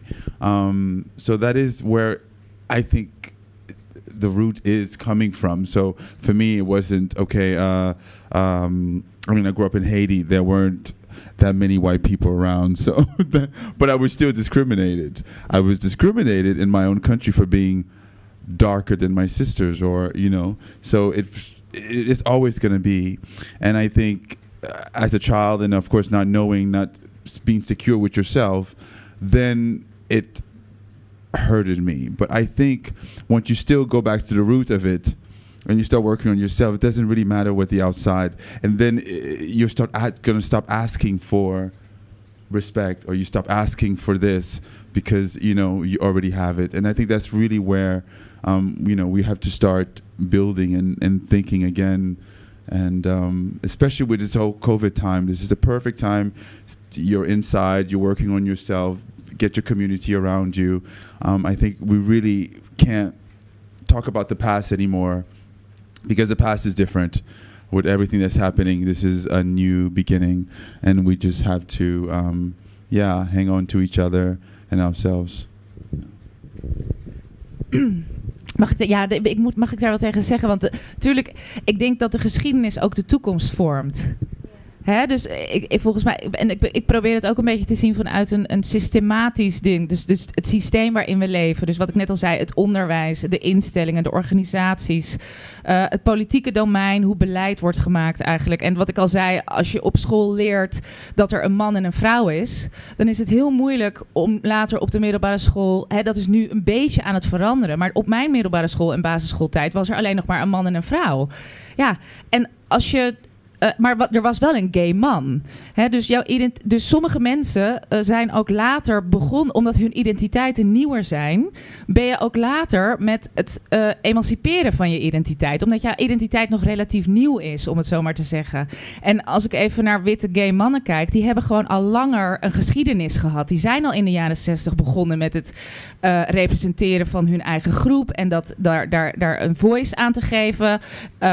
En en eh, terwijl heel veel andere identiteiten, trans mensen van kleur bijvoorbeeld, nog veel minder zichtbaarheid hadden. Snap je wat ik bedoel? Dus ik denk dat, we, dat het begint ook bij de geschiedenis en bij het onderwijs. En dat er gewoon een heel groot deel van, van onze wereld gekolonialiseerd is door witte mensen. Die heel veel gestolen hebben van mensen, bijvoorbeeld van mijn vaders eh, voorouders die uit Indonesië komen. Waar ik uiteindelijk ook weer een soort dingetje mee, mee heb gekregen. Waardoor je ook een rare machtssituatie krijgt. Snap je ik bedoel? Dus de manier waarop we onze geschiedenis vertellen geeft ook bepaalde mensen privileges en weer anderen niet. En daarom is het dit decoloniale gebeuren bijvoorbeeld in het onderwijs ook heel erg belangrijk. Omdat je de geschiedenis ook... Er waren altijd al trans mensen. Er waren altijd al queer mensen. Er waren altijd al mensen zoals ik. Maar waar staan die in onze geschiedenisboeken? Die staan niet in onze geschiedenisboeken. En als we die wel in onze geschiedenisboeken ke- hebben gelezen, dan kunnen we ons relateren aan hun en worden we ook meer erkend. Dus ik probeer, ik denk dat vanuit systematisch oogpunt eh, er veel meer identiteiten verteld moeten worden en veel meer verhalen verteld moeten worden. Het idee van non-binary is niet een westers begrip. It was already there. There was just Christianity. Die they killed them. Sorry, weet je. En wij zitten nu een beetje van... Oh, leuk, we zijn ook trans. We zijn ook non-binary. Nee, nee, nee. In West-Afrika, there were five genders, weet je wel. Dus ja, voor de kolonisatie. Dus learn your history, weet je wel. Educate yourself. Ehm, en eh, ik wilde nog iets zeggen. Oh ja, en ik wilde ook zeggen... Hurt people, hurt people. Ik denk dat als je überhaupt uit de kast moet komen, ben je een beetje getraumatiseerd. Of ben je getraumatiseerd? Because you're different. Weet je, iedereen kent dat gevoel van: oh mijn god, hoe ga ik dit doen? En daar komt ook trauma uit voort. En dat ga je ook snel vaak op iemand anders weer projecteren. Van ik heb meer pijn dan jij, ik heb meer pijn dan jij. Eh, en dat is ook dat is wel een probleem in de community, denk ik, waar ik veel te maken mee heb.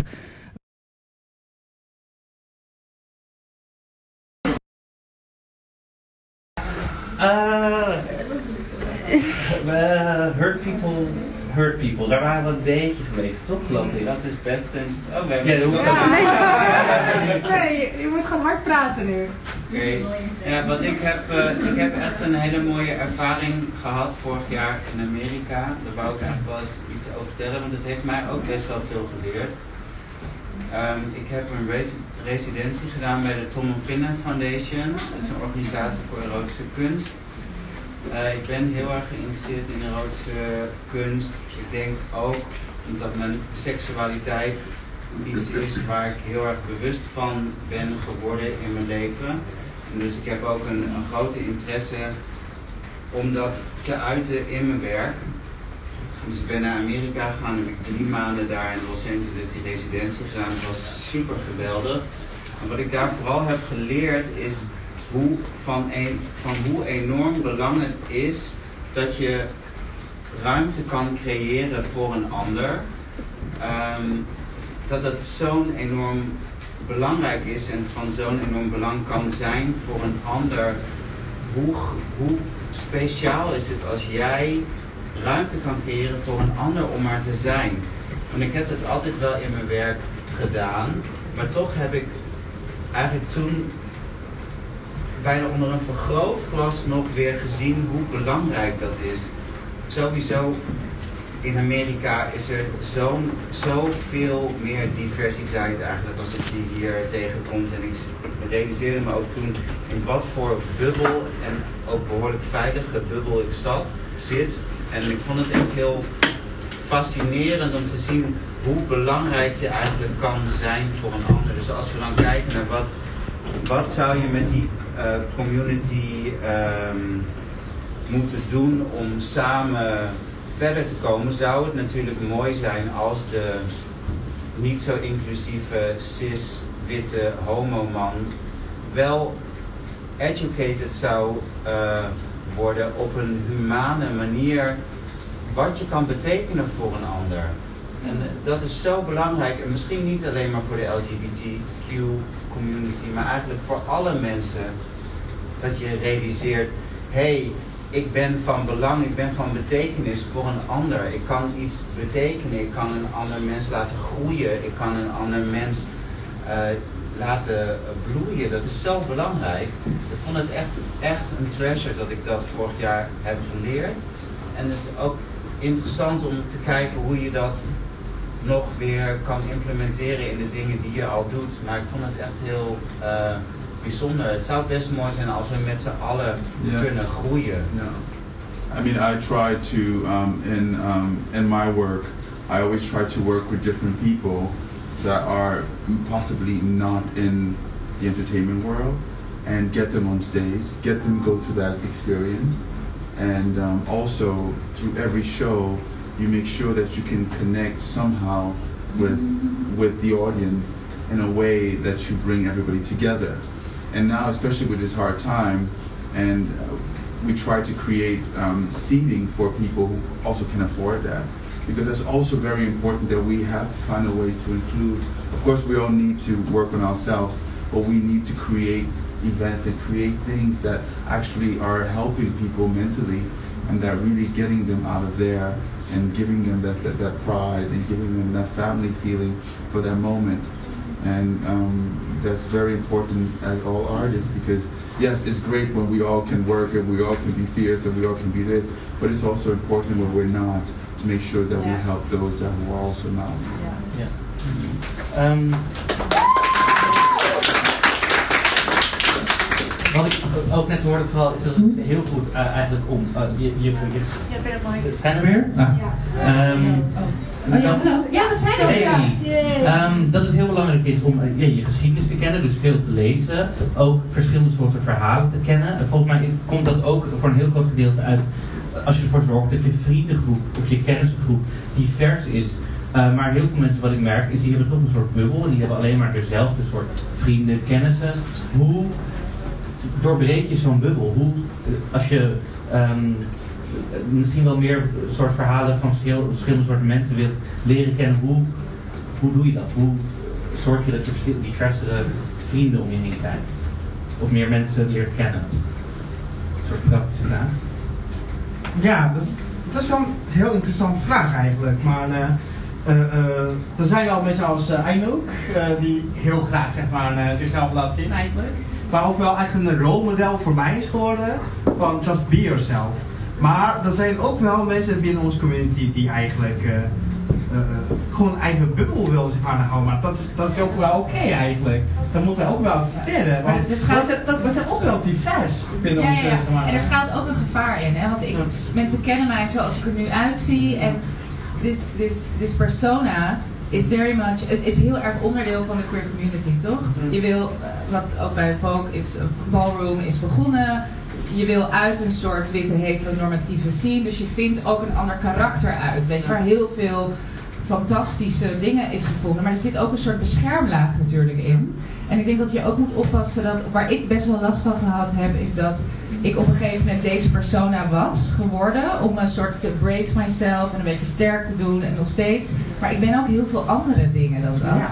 En ik denk dat, dat de queer community die daar ook aandacht inderdaad aan moet besteden. Precies wat jij zegt, van als je niet te sterk bent, als je niet eh, even dat de, de hebt om zo over straat te lopen. Als je bespuugd bent of als je uitgescholden bent, waar ga je dan heen?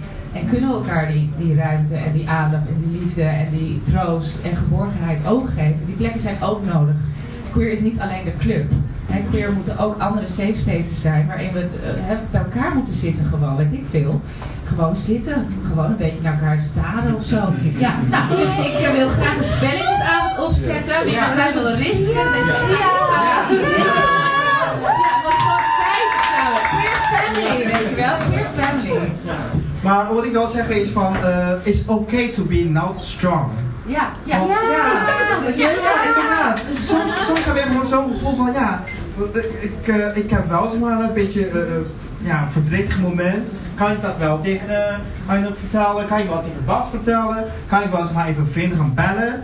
Ik durf zeg maar niet echt een heel openlijke gay over de straat gaan lopen.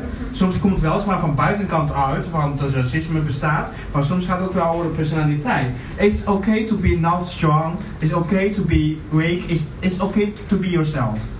Ja. Ja. Ja, en dat, ja, heel mooi. Oh. En ik wil, oh, sorry, ik ga nou, ik heel veel, maar ik ga nog even daarnaast denken. Nou ja, dat, ehm eh, god, wat wil ik nou zeggen? Nou ja, dat we ook in termen van identiteit moeten denken in en-en, niet of-of. We need to break that binary, weet je wel. Niet man of vrouw, niet mooi of lelijk, niet sterk of zwak. We zijn allemaal en-en-en. Ik ben ook degene die in mijn pyjama mijn hondje uitlaat en denkt, god, eh, wat regent het vandaag, weet je wel. Ja, eh, dus, dus eh, nou ja, we zijn, we zijn allemaal heel veel persona's in één, zeg maar. Zo'n pluriforme identiteit. En die moeten we ook gaan ontwikkelen en omarmen. En niet de hele die eenduidigheid van, je bent helemaal niet jezelf als ik er dan uitzie in een spijkerbroek, weet je wel. Dat ben ik ook. Ja. Hè? Dus je bent het ook en je bent het ook en je bent het ook. Dus nou ja, hè, zoiets. Geweldig! Allemaal de pyjama de hond uitlaten. Let's go. En Riske, en Riske. Nou. Ehm, dan even een eh, ja, ander onderwerpje misschien. Ehm, eh, waar ligt nu, nee niet de verantwoordelijkheid is misschien het verkeerde woord, maar eh, ook over het verhalen vertellen. Ligt de verantwoordelijkheid bij de community? Moeten wij onze verhalen de wereld inslingeren? Ligt, ligt de verantwoordelijkheid bij de media? Moeten zij ons meer zien? Ligt de verantwoordelijkheid bij de overheid? Zouden zij ons meer moeten steunen? Waar ligt nu, wie, wie heeft de bal? Wie, wat, wie moet er nu iets doen? En, en, en. Allemaal. Ja. Allemaal. We zijn allemaal verbonden met elkaar. Sorry. Ja, wil je wat? Ja, heel wat, mooi. eh, Ja. Oh, Ja? ja. Ja? Nou, kijk, er is gewoon systematische onderdrukking. En daarin zijn we allemaal medeplichtig. En we worden gewoon al vanaf dag 1 dat we uit de baarmoeder gepoept worden, komen, komen we al zeg maar in een systeem. En dat systeem is neocoloniaal. Dat is witte suprematie. Dat is kapitalisme met allemaal eh, exploitatie van arbeiders. En dat heeft allemaal, de commonality, de communaliteit is dat alles gebaseerd is op hiërarchie. En waarom moet die hiërarchie er zijn? Want we zijn allemaal mensen. We zijn allemaal verbonden met elkaar door de menselijkheid. En hoe kunnen wij dat nou deconstrueren? Allemaal. Allemaal tegelijkertijd. Het is niet of, of, of. Wat Anouk ook zegt. Het is en, en, en. Dus dat gaan we ook doen. Dus de media. De be- beleidsmakers. De bureaucraten. De politici. Maar ook power to the people. Hey. dus ja, dat is het gewoon. Iedereen. Iedereen kan zijn steentje bijdragen. Want we zijn allemaal met elkaar verbonden. We zijn allemaal de mensheid. En we moeten die hiërarchie moeten we deconstrueren. Dat denk ik.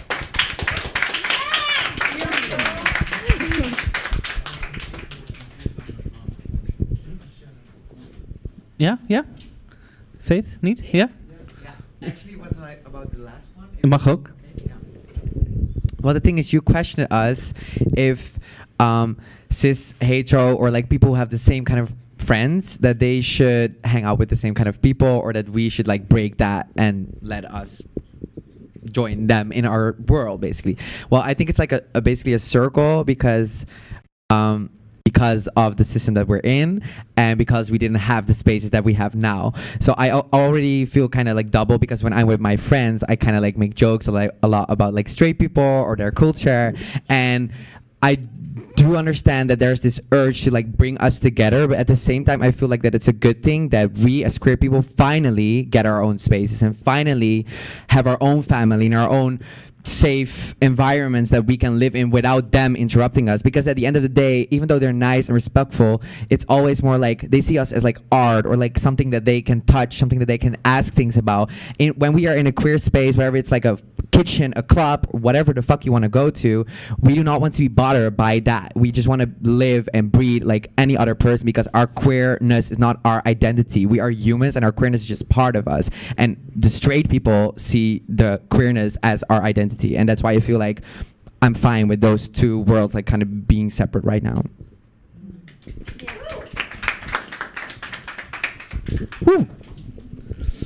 Ehm, ik dacht, laat ik even de vloer gewoon helemaal opengooien. Zijn er mensen die nog vragen hebben of onderwerpen dat je zegt, goh, hier wil ik wel wat van weten? Yes? Eh, microfoon. Dank je. Ik heb eigenlijk niet een vraag, maar meer een, een idee. Ik denk dat ehm, de sleutel tot verandering heel erg ligt in ehm, uitvinden ehm, wat de vorm is die bij jou past om expressie aan je gevoel te geven. Het heeft zo geen zin om je gevoel in je te houden en dat, dat heeft op alles van je leven betrekking. Dus ook over het, eh, naast het vinden van wie je bent, weet ik wat, eh, de- kan, kan je op alles van eh, toepassing brengen. Ehm, zodra je, ik geloof heel erg in dat zodra je vindt wat bij jou past, om uiting te geven aan je gevoel, dat het, dat het veel meer gaat stromen. Dat, wat, dat je dan echt in je kracht komt te staan en dat daarmee eigenlijk ook automatisch je mensen ontmoet, op je pad komen die bij jou aansluiten. En dat daarmee ook een soort van jouw kracht op de kaart zet en de diversiteit ehm, veel meer naar voren komt, waarmee we allemaal juist van kunnen groeien. Ehm, dus ja, dat is een beetje mijn ding. Van, vind een manier die bij jou past. Voor de ene is dat een protestmars meelopen. Voor de ander is dat zo'n bijeenkomst organiseren. Voor de ander is het schilderen, naaien, weet ik het wat, muziek maken. Maar wat past bij jou? Waar ga jij nou, waar word jij gelukkig van? En dan komt het wel uiteindelijk, denk ik, de flow. Zoiets.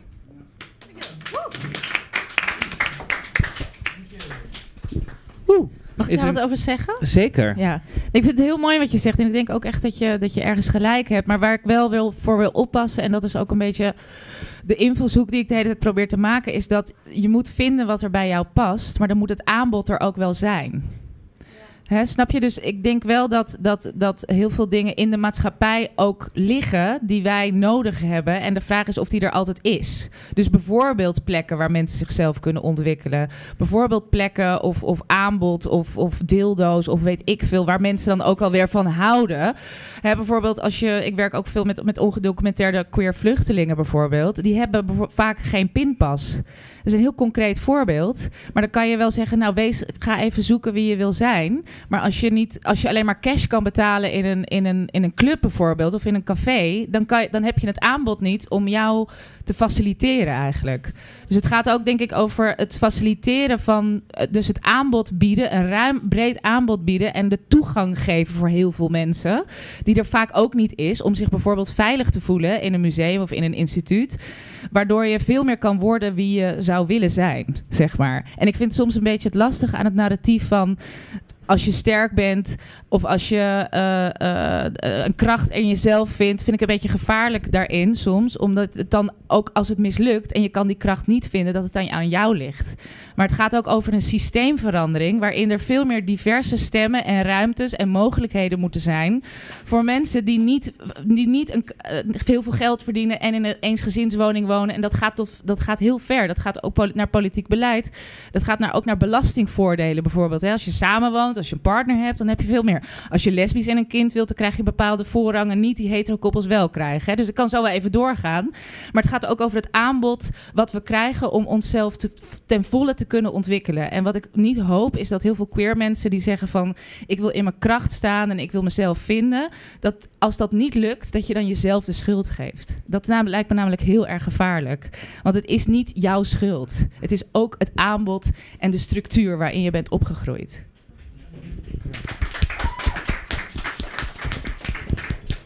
Ja, dankjewel ook.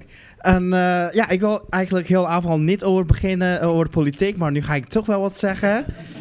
Ga stemmen, jongens. De verkiezing komt zo aan, binnen een half jaar eigenlijk, dus volgend jaar 21 maart. Ga stemmen, motiveer jouw vrienden om ook te gaan stemmen. Want als we zeg maar, echt een verandering willen zeg maar, brengen, dan vind ik van racistische omroep geen podium mogen krijgen en ook geen subsidie mogen krijgen van onze overheid, van ons belastinggeld. Ik vind dat eh, eh, manverband gewoon gratis moet worden eigenlijk. Ja, eh, ik vind zeg maar, gewoon echt, dat zijn kleine thema's eigenlijk onze wereld kunnen verbeteren. Maar als wij niet gaan stemmen, dan gaat wel bepaalde mensen denken van dat ze meer gezegd hebben in onze ge- gemeenschap. Want ik zal geen politieke omroep op hem doen, maar eh, ehm, bijvoorbeeld, eh, ik, ik maak een voorbeeld in Brabant. FVD zit nu in ons eh, eh, provinciebestuur. Dus die vormen een coalitie met een paar andere partijen. Maar je ziet meteen van dat eh, subsidie naar cultuur wordt echt zo met 90% verlaagd. En dat is een punt die we echt zeg maar elke dag meemaken en dat gevolgen krijgt. Dus ga stemmen jongens. Doe dat. Ik wil het hebben niet heel hard op. Nou ja, eigenlijk wel. Kom, kom bijeen. Kom bijeen. Ik kan niet anders zeggen. Het is de enige partij. Eh, ik, ik, kan heel even, heel, ik wil heel kort even vertellen. Maar toen ik Sylvana Simons op een televisiescherm zag in De Wereld Draait Door. weet Ik, ik kon gewoon niet aankijken hoe zij eh, eh, aangesproken werd. En hoe zij beledigd werd. En, dus ik heb daarvoor wat gedaan. En we zijn een jonge partij. We zijn een nieuwe partij. Maar het is wel de enige partij die queer mensen in de volksvertegenwoordiging heeft. Ehm, en eh, ja, stem bijeen. Ik hoop echt dat jullie het doen. En in ieder geval volg, volg Amsterdam bijeen op Instagram. Dan kunnen jullie zien wat ons programma ook, ook concreet inhoudt. We zijn ook wel voor een brede linkse samenwerking. Dus, eh, Oh, jullie? En wie zijn jullie? wij, zijn, eh, eh, wij zijn ook een linkspartijen eigenlijk. Dus eh, ja, eh, eh, eh, ja. Ik zal Ja, niet de zeggen Partij van- van, Partij van de Arbeid. Ja, hè? Ja. Nou, laten we andere keer het politiek debat voeren. Hè? Maar ga stemmen jongens. Doe dat. Ja. Eh, voor de panelleden, zijn er nog vragen die jullie misschien willen stellen aan het publiek? Laten we het gewoon even omdraaien. Zijn er nog dingen dat je zegt, wil ik nog wel even voorleggen, wat zij ervan vinden?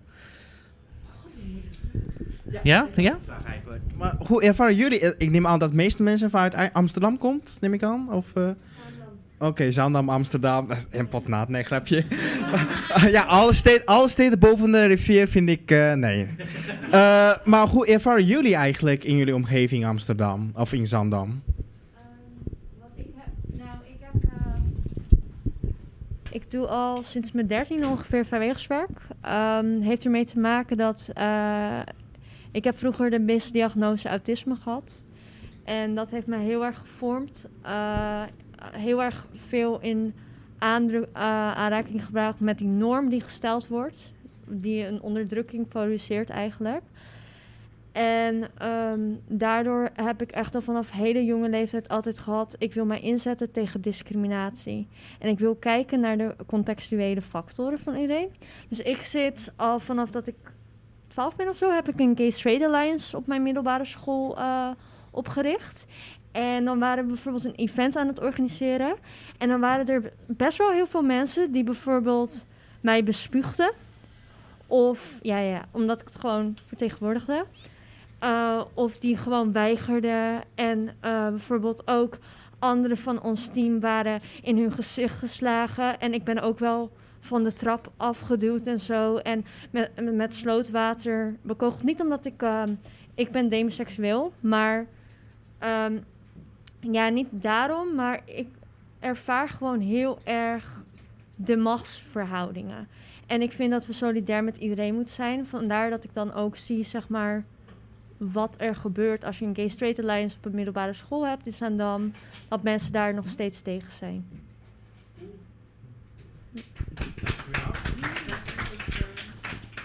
Is er nog iemand anders die eh, iets wil toevoegen misschien? Ik kan zelf misschien nog wel even wat toevoegen. Ik ben zelf eh, geboren getogen in Amsterdam. En ik kom zelf uit een familie waarbij... Ik ben eigenlijk nooit uit de kast gekomen bij mijn ouders. En dat was eigenlijk dus ook niet nodig. Ik heb, het was zo, het was ook goed. Dus ik kom uit een enorm privilege. Ehm, ik ben wel altijd heel erg gepest. En heb dat ook echt op straat... eh, dat ik echt, eh, ook toen ik op een gegeven moment mijn rijbewijs had... dat mensen uit de buurt mij van de weg proberen te, te rijden en zo.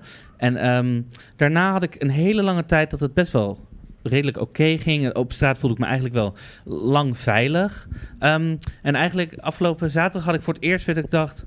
Hmm, wil ik wel zo naar buiten? Ik doe er gewoon een enorme grote jas over. Dus ik heb echt heel erg het idee dat we echt in een soort eh, spiraal naar beneden gaan. Dat het echt weer... En ik heb echt... Ik hoop in ieder geval voor iedereen in de zaal... Er zitten hier prachtige panelleden. Ik hoop echt dat iedereen op zijn manier zich gaat uitspreken, of in ieder geval gaat vechten tegen dat we niet weer verder naar beneden zakken, maar dat we echt eh, weer gewoon over straat kunnen en onszelf kunnen zijn.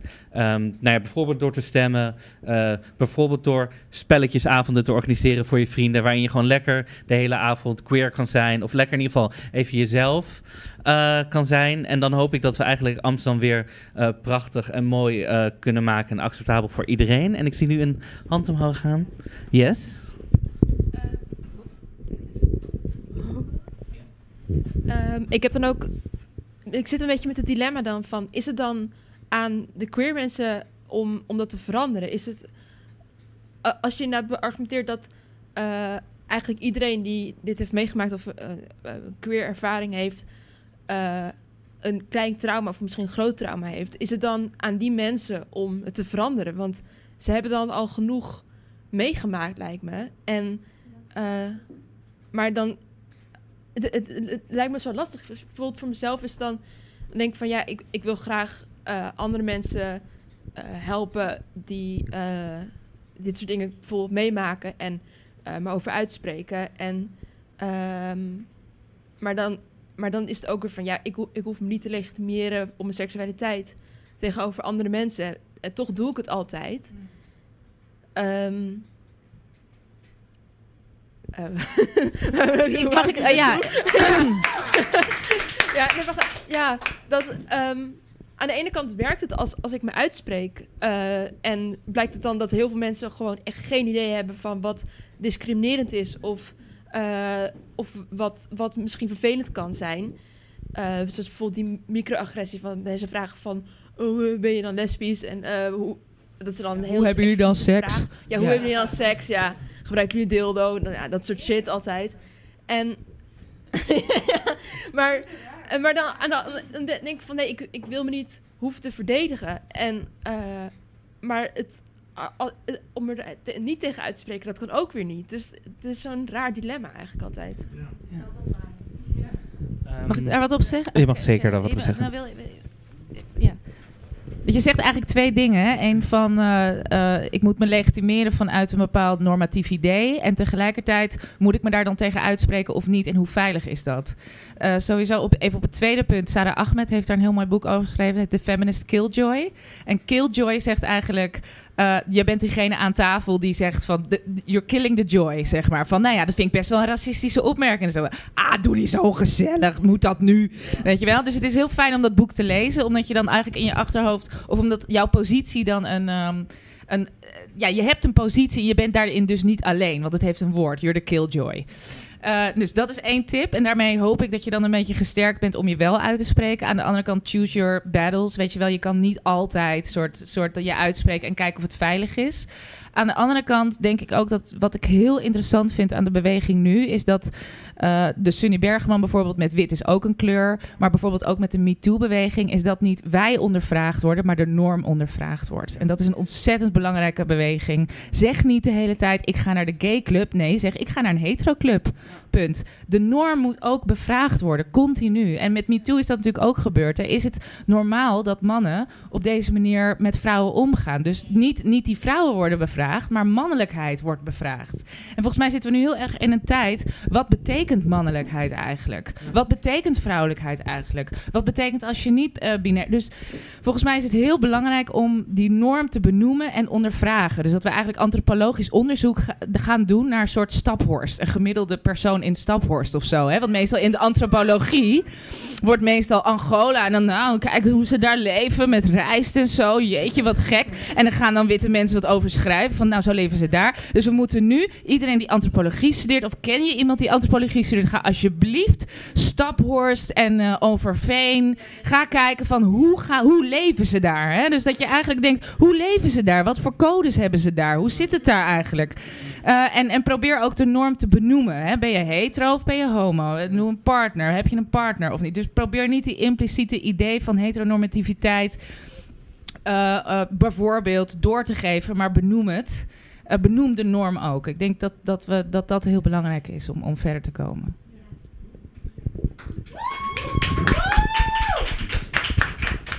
Kijk, ik denk wel, ook al heb je trauma ervaren, ik denk los van ehm, de LGBTQI-community hebben ook andere mensen trauma ervaren. Dat zou je niet moeten weerhouden om je verhaal te moeten of te mogen of te willen vertellen. Want als je het zelf niet doet, is het misschien ook moeilijk om het van een ander te verwachten.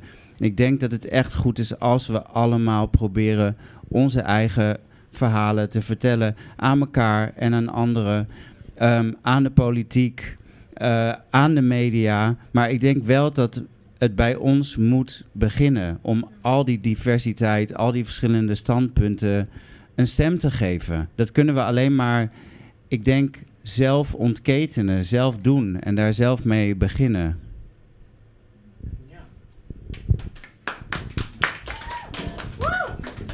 Okay, this is um. So I think uh, from what we've heard so far, what I've heard so far, um, this is a very good initiative that you guys created, and I think, I mean, you know, um, and I think is visibility is what we're doing here, and this is, you know, one of the most important during this time because it is easy to talk about things that are going wrong, but it's also easy to stay at home. And we know and we you know we are going out there but you know you just you don't need to go that far. You walk through central station and you see a lot of our brothers and sisters sitting down you know probably kicked out in prostitution. You know there's a lot of people going out there you know and our our need. And i think moving having a, a group of, of of of people walking through knowing that people can stop you because i wouldn't imagine what would happen. What would, where would i go to? You know what i mean and it would be great if i would if i would see you i would stop. I would i would i would i would talk to you about certain problems that I probably would not talk to other people about. And i think by us probably creating something where we can actually just walk through and and and and, and show what we do for our own people for our own tribe, that is the beginning of the change. That is really where it starts. Yes, we could point at what we're missing, but we all go through the same, we all have this bleed the same way, and we all go through the same pains. So we understand each other that farm. So we just have to really now, you know, really start helping those people because it's really hard out there and we are very privileged. And it has nothing to do with color, but we are privileged to be here to talk about this.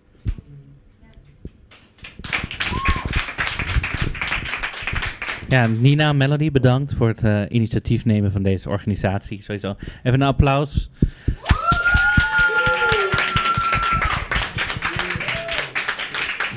Volgens mij is het ook tijd om een eh, laatste ronde te doen met vragen. Of eh, dat iemand zegt: Ik wil nog graag wat zeggen of toevoegen vanavond.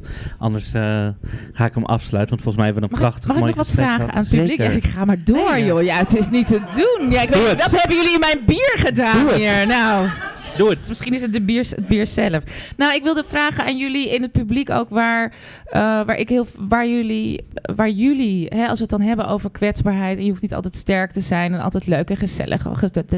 Weet je wel, maar ook waar liggen jullie schaamtes? Waar liggen jullie moeilijkheden? Wanneer zit je thuis op, wanneer voel je alleen in deze maatschappij? Weet je? En, en schaamte is daar een heel goed woord voor volgens mij. Want schaamte manifesteert zich vanuit een bepaald taboe. En dus vanuit een bepaalde norm. Dus ik let altijd heel erg bij mezelf op wanneer ik me schaam voor iets. Voor therapie of voor, eh, weet je wel, seks met weet ik veel wie. Maar nou ja, taboes, hè? Taboes. Mag ik daarop reageren? Ja, tuurlijk. Ehm, ik eh, had toevallig, ik heb een voorbeeld van gisteren.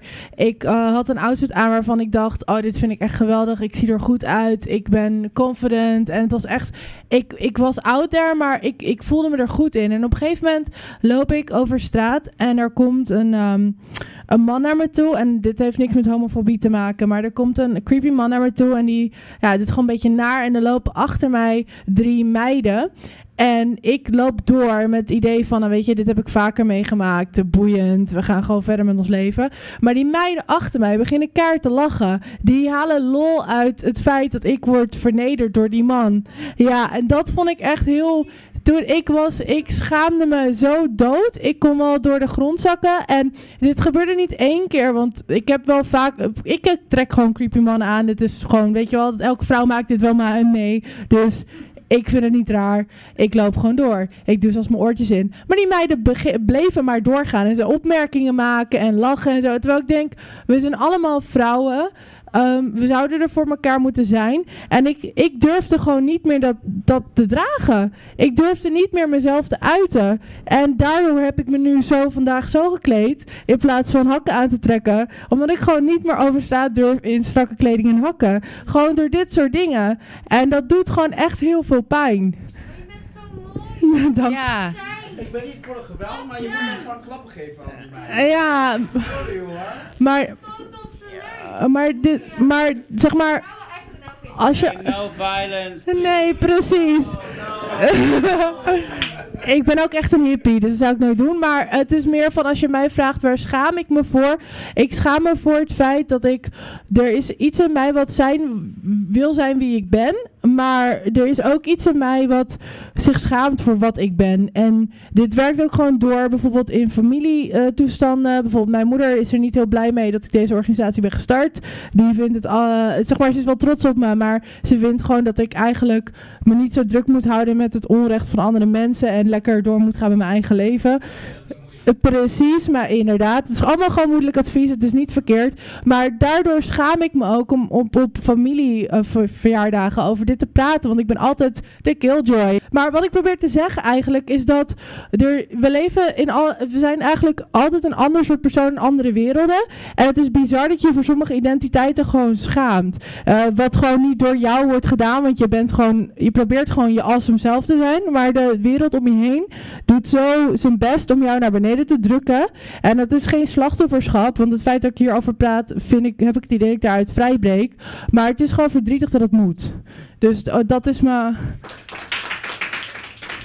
Dat was mijn antwoord. eh. Dankjewel voor het delen van je verhaal. Dat is echt heel belangrijk. En heel veel mensen hebben dat volgens mij. Ik heb dat ook. Ja, En het is, dat is heel moeilijk. Het is twee keer zo hard werken. ja. En eh, misschien wel drie keer zo hard werken. En Ja. daarom hebben we elkaar nodig. En, en lees, lees. En, en eh, weet je wel, zit op maar op die Instagram-profielen die je wel proberen te ge- gelijk te geven. Want het is gewoon heel erg lastig. En mensen zijn bang voor hetgeen wat anders is. Ja, Ehm, ja, maar Heel ik denk dat erg. het heel erg helpt om, om wel erover te praten en, en dat te zeggen. En te zeggen, ja, you're strong, you're powerful, you're great. En probeer ook te onthouden dat de lens waardoor mensen naar jou kijken... is een normatieve lens die dus ook geproduceerd is...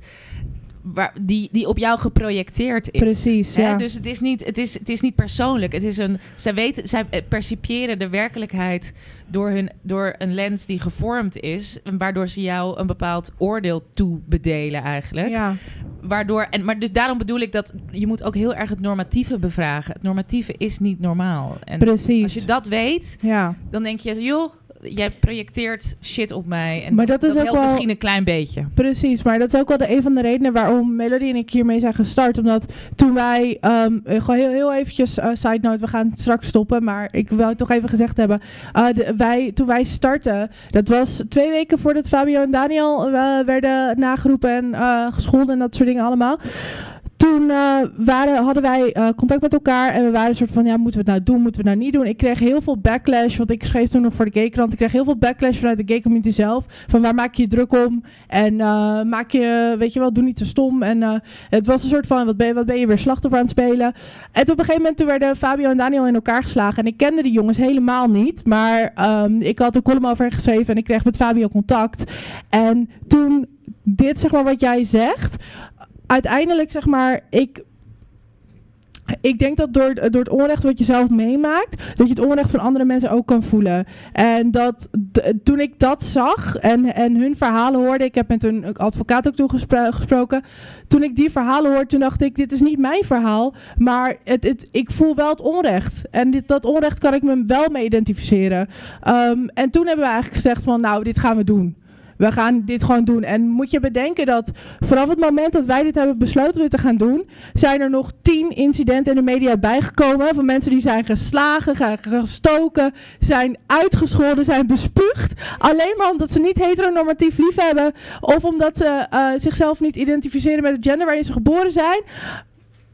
What fuck? Echt, what the serious fuck? Ik word er zo verdrietig van. En het is ook gewoon zo bizar, want we leven in 2020 en dit, dit- is een, over een koers van drie maanden. En, en, en, deze in- incidenten komen in de media, maar hoeveel incidenten komen er niet in de media? Dus we moeten echt opstaan met z'n allen en hier een keer een vuist tegen maken, want het is bizar dat dit nog steeds gebeurt. Zo, dat was mijn speech. Nou ja, volgens mij hebben we vanavond hier een hele mooie, nou ja, niet de eerste stap is dit geweest, maar een stap gezet. Ehm, volgens mij hebben we een prachtig mooi gesprek gehad. Volgens mij was het een hele mooie avond. Eh, nogmaals bedankt aan Brad dat we hier eh, mochten zijn. Bedankt alle panelleden. Geef ze een warm applaus voor het komen. Ook bedankt eh, aan de mensen die hier aanwezig wilden zijn. En dan gaan we hem gewoon afsluiten. Dank jullie wel allemaal. Veilig thuis.